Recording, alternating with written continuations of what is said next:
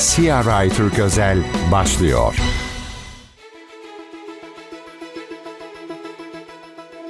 CGTN Türk özel yayınından herkese merhaba. Bugün gündemimizde kira krizi var. E, hemen konuğumuzu tekrar tanıtmak istiyorum. E, Gayrimenkul Hukuku Derneği kurucu başkanı Sayın Ali Güvenç Kiraz. Ali Bey hoş geldiniz. Hoş bulduk. İyi yayınlar. Teşekkür, Teşekkür ediyorum. Sağ olun. Teşekkürler. E, artık e, kira krizi meselesi hepimizin canını yakan en önemli gündemlerimizden e, biri haline geldi. Son günlerde de e, bu %25'lik e, zam sınırının e, Temmuz itibariyle yeniden güncellenmeyeceği ve kaldırılacağı yönünde e, iddialar e, ortaya atıldı. Hatta e, Ekonomi Bakanı'na e, dayandırıldı bu iddialar. E, ancak e, dün e, İletişim Başkanlığı'nın e, dezenformasyon e, bülteninde bu iddiaların gerçek olmadığı e, bakanın sözlerinin zaman yaklaşınca tekrardan değerlendirileceği yönünde oldu. E, ancak iddialar bu düzenlemenin kaldırılacağı yönünde. Buradan başlayacak olursak bu %25'lik e, zam sınırı dertlere deva oldu mu? Çözüm bulunabildi mi bununla bu süreçte? Evet, e, Türkiye'nin özellikle son 2-3 yıl içerisinde çok ciddi bir barınma krizi yaşadığını hepimiz görüyoruz. Bu barınma krizi e, maalesef çok tatsız da noktalara varıyor zaman zaman yaşadığımız örneklerle. E, bu tabii ki barınma krizinin bir ayağı da kiracı ve mal sahibi arasındaki ilişkilerle e, kendisini gösteriyor. Son yıllarda özellikle enflasyonun, dövizin çok ciddi şekilde artması ve bu artışın kira rakamlarında da e, önlenemez şekilde yükselmesi doğal olarak bir takım önlemler almaya doğru e, git götürdü bizleri. Fakat bu önlemler ne kadar sağlıklı oldu tabii bunu konuşacağız ama 1 Temmuz 2022'de yürürlüğe giren sadece konut alanları için geçerli olmak üzere iş yerlerini dışarıda bırakan bir düzenleme konuldu. Yasal bir düzenleme. ilgili maddede geçici bir madde getirildi. Bununla ilgili de denildi ki konutlarda tüfe 12 aylık ortalaması değil %25'i geçemeyecek artış oranları yenileme döneminde denildi. Bu uygulama 1 Temmuz 2023'e gelmeden hemen önce uzatıldı. Şimdi bu uzatılması tabii ki piyasada özellikle kiracı ve mal sahibi ilişkilerini daha da bozdu. Çünkü geçici düzenleme olmuş olması halinde geçici düzenlemeler evet zaman zaman yapılabilir.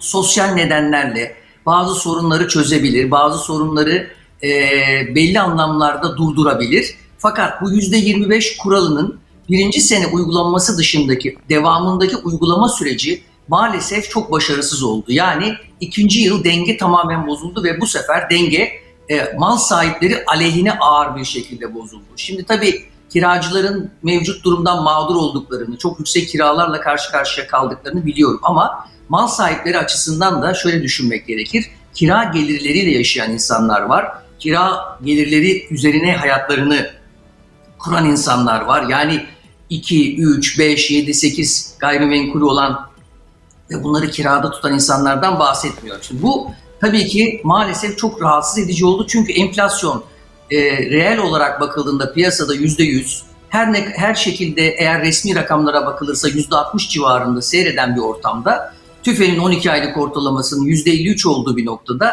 siz kiracılara e, sadece yüzde 25 artış yapacaksınız dediğiniz zaman işte bu biraz dengeyi bozuyor.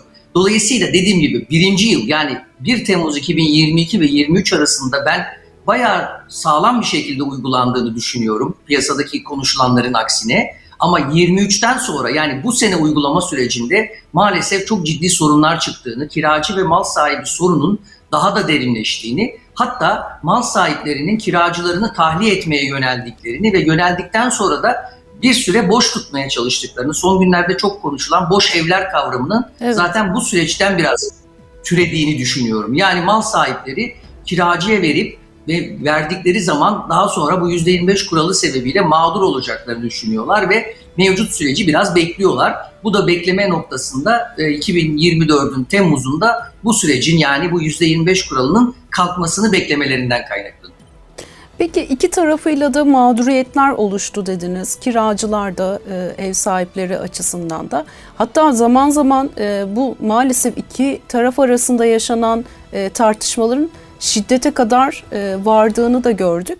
E, buradan hareketle e, özellikle kiracılar e, açısından bakacak olursak bu süreçte kiracılar ne yapmalı? Kendi haklarını nasıl aramalı? E, yani e, bu e, meseleler hukuka taşındığında ki e, onlara yöntem olarak ne önerirsiniz? Şimdi e, şöyle bir tablo var Türk hukukunda. Bizim kira artış oranlarımız yasada tanımlanmıştır.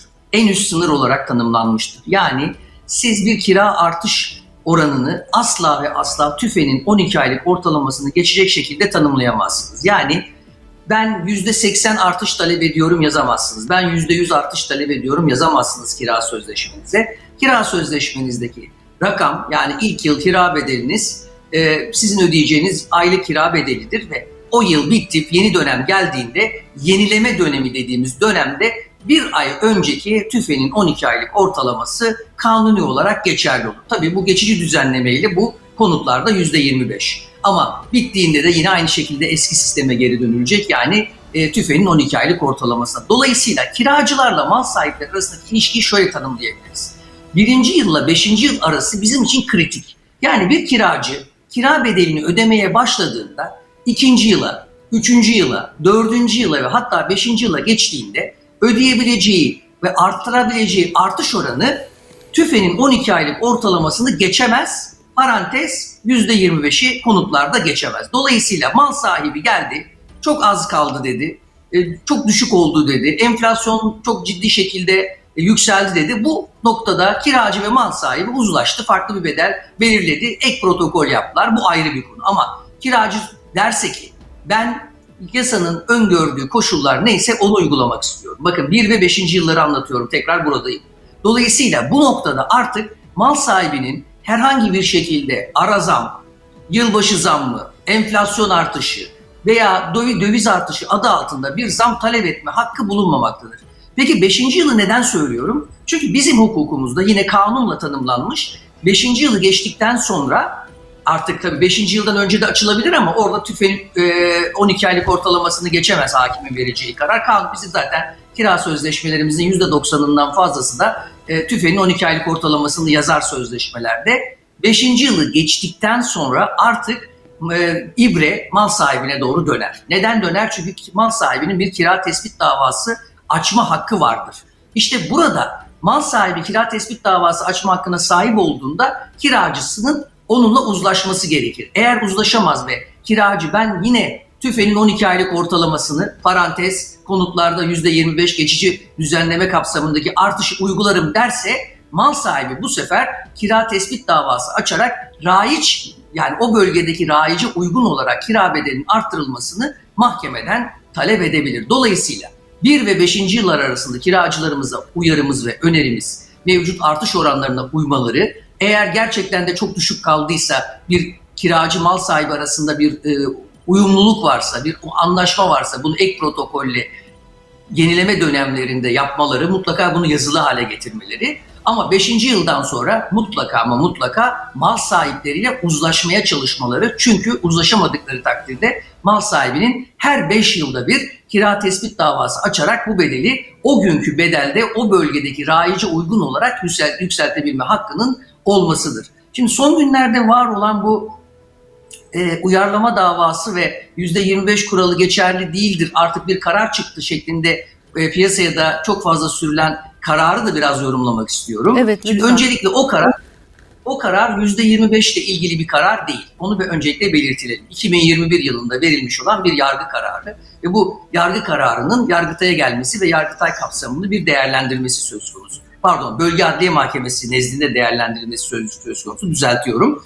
Dolayısıyla burada iki tane temel tartışma var. Birincisi e, Bölge Adliye Mahkemesi verilen kararla ilgili e, hakimin kısa süreli kira sözleşmesi olması sebebiyle e, kararı incelemeyerek uyarlama kararı vermemesini doğru bulmayarak uyarlama kararı ver dememiştir.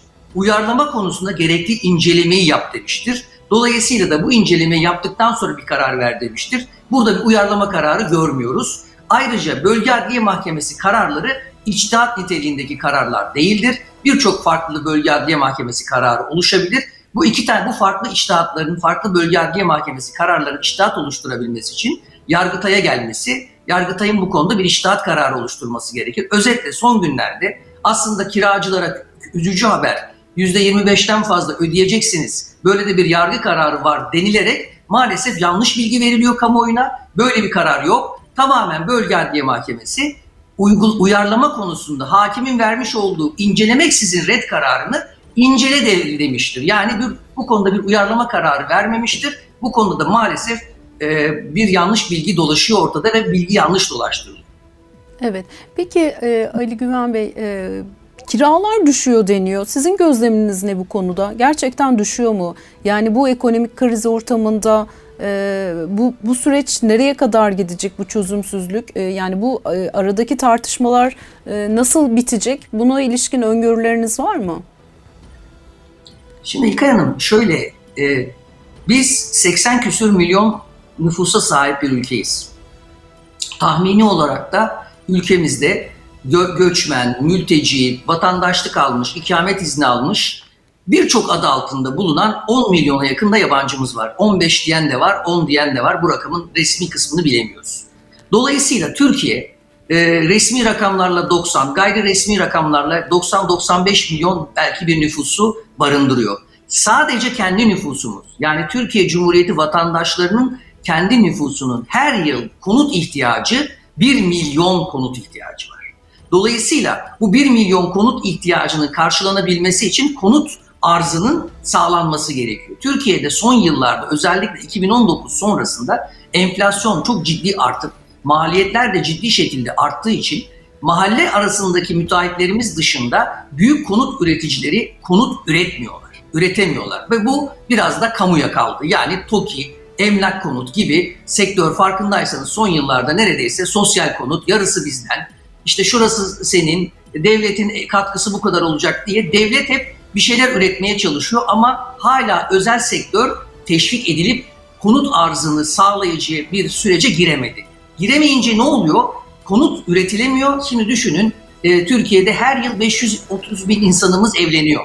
Her yıl 150 bin boşanma sayısı var. Her yıl insanlar başka şehirlere göçüyorlar ve başka şehirlerden diğer şehirlere çalışmak için gidiyorlar. Üniversiteye gençlerimiz gidiyor, farklı şehirlerde okumaya gidiyorlar. Toparlarsak konut ihtiyacı asla bitmiyor. Bitmez. Nüfus artıyor çünkü. Yani sizin örneğin iki tane çocuğunuz olduğunda şu demektir. Siz iki tane eve ihtiyacınız olacaktır bir şekilde ileride. Yani onlar evleneceklerdir. Evlendiklerinde veya evlenmeyeceklerdir. Kendi evlerine çıkmak isteyeceklerdir. Kendi hayatlarını yalnız yaşamak istediklerinde ya kiralık gideceklerdir ya satılık değil mi? Fark etmez. Ama her ikisinde de siz iki tane konuta ihtiyaç duyuyorsunuz. Nüfusu böyle algılamak için söylüyorum. Vatandaşlarımız lütfen evet. bunu doğru algılasınlar diye söylüyorum. Toplar toparlarsak bu konut ihtiyacının çözülmüş çözümü için Türkiye'nin e, özel, e, bir, bir öncelikle bu kiralık sosyal konut uygulamasına geçmesi gerekir. Yani Türkiye'de devlet e, ve kamu ve belediyeler kiralık sosyal konut üretebilirler. Hatta ben çok ileriye giderek söylüyorum. Özel sektör teşvik edilerek, e, ciddi şekilde sübvanse edilerek kentsel dönüşüm yasasında bu destek veriliyor tapu harçları muafiyeti veriliyor, e, çeşitli iskan harçları muafiyeti veriliyor, vergi muafiyetleri, noter harçları muafiyetleri, KDV muafiyetleri aynen kentsel dönüşüm yasasında olduğu gibi gelir vergisi muafiyeti sağlanır. Konutlar satılamaz şartlı şart, tapuya şart konur ve bizim gençlerimiz yani yeni üniversite mezunu gençlerimize bu konutlar tahsis edilir veya dar gelirli insanlarımıza tahsis edilirse bu anlamda özel sektörde kiralık sosyal konut üretimine geçer. Bu sağlanmadığı müddetçe biz bu sorunu yaşamaya devam ederiz. Ben fiyatların bu anlamda çok fazla düştüğü kanaatinde değilim. Tabii bir durağanlaşma oldu. Bir durağanlık var ama hiçbir şekilde geriye gittiği kanaatinde değilim. Fiyatlar bana göre e, konut fiyatlarında belki satışlarda görülebilir bir miktar gerilem ama kiralıklarda ihtiyaç devam ettiği için hali hazırda şeyde devam ediyor. Mevcut rakamlarda çok büyük bir gerileme olduğunu düşünmüyorum. Evet çok aydınlatıcı oldu açıklamalarınız bizim açımızdan. Ee, Ali Güven Bey çok teşekkür ediyorum yayınımıza katıldığınız için. Sağ olunuz. Çok teşekkür ederim davetiniz için. Size de iyi yayınlar dilerim. Teşekkür ediyorum. Kira krizi adeta bir barınma krizine e, dönüştü. Konuğumuz Gayrimenkul Hukukçuları Derneği kurucu başkanı Ali Güven Kiraz. Ee, özellikle barınma krizinde e, konut e, yapımına e, ve devletin e, bu anlamda e, çalışmalar yapması gerektiğine işaret etti. E, kiralarla ilgili düzenlemeleri takip edeceğiz. E, bugünlük e, bize ayrılan sürenin sonuna geldik. İyi günler. Siyah Writer Gözel sona erdi.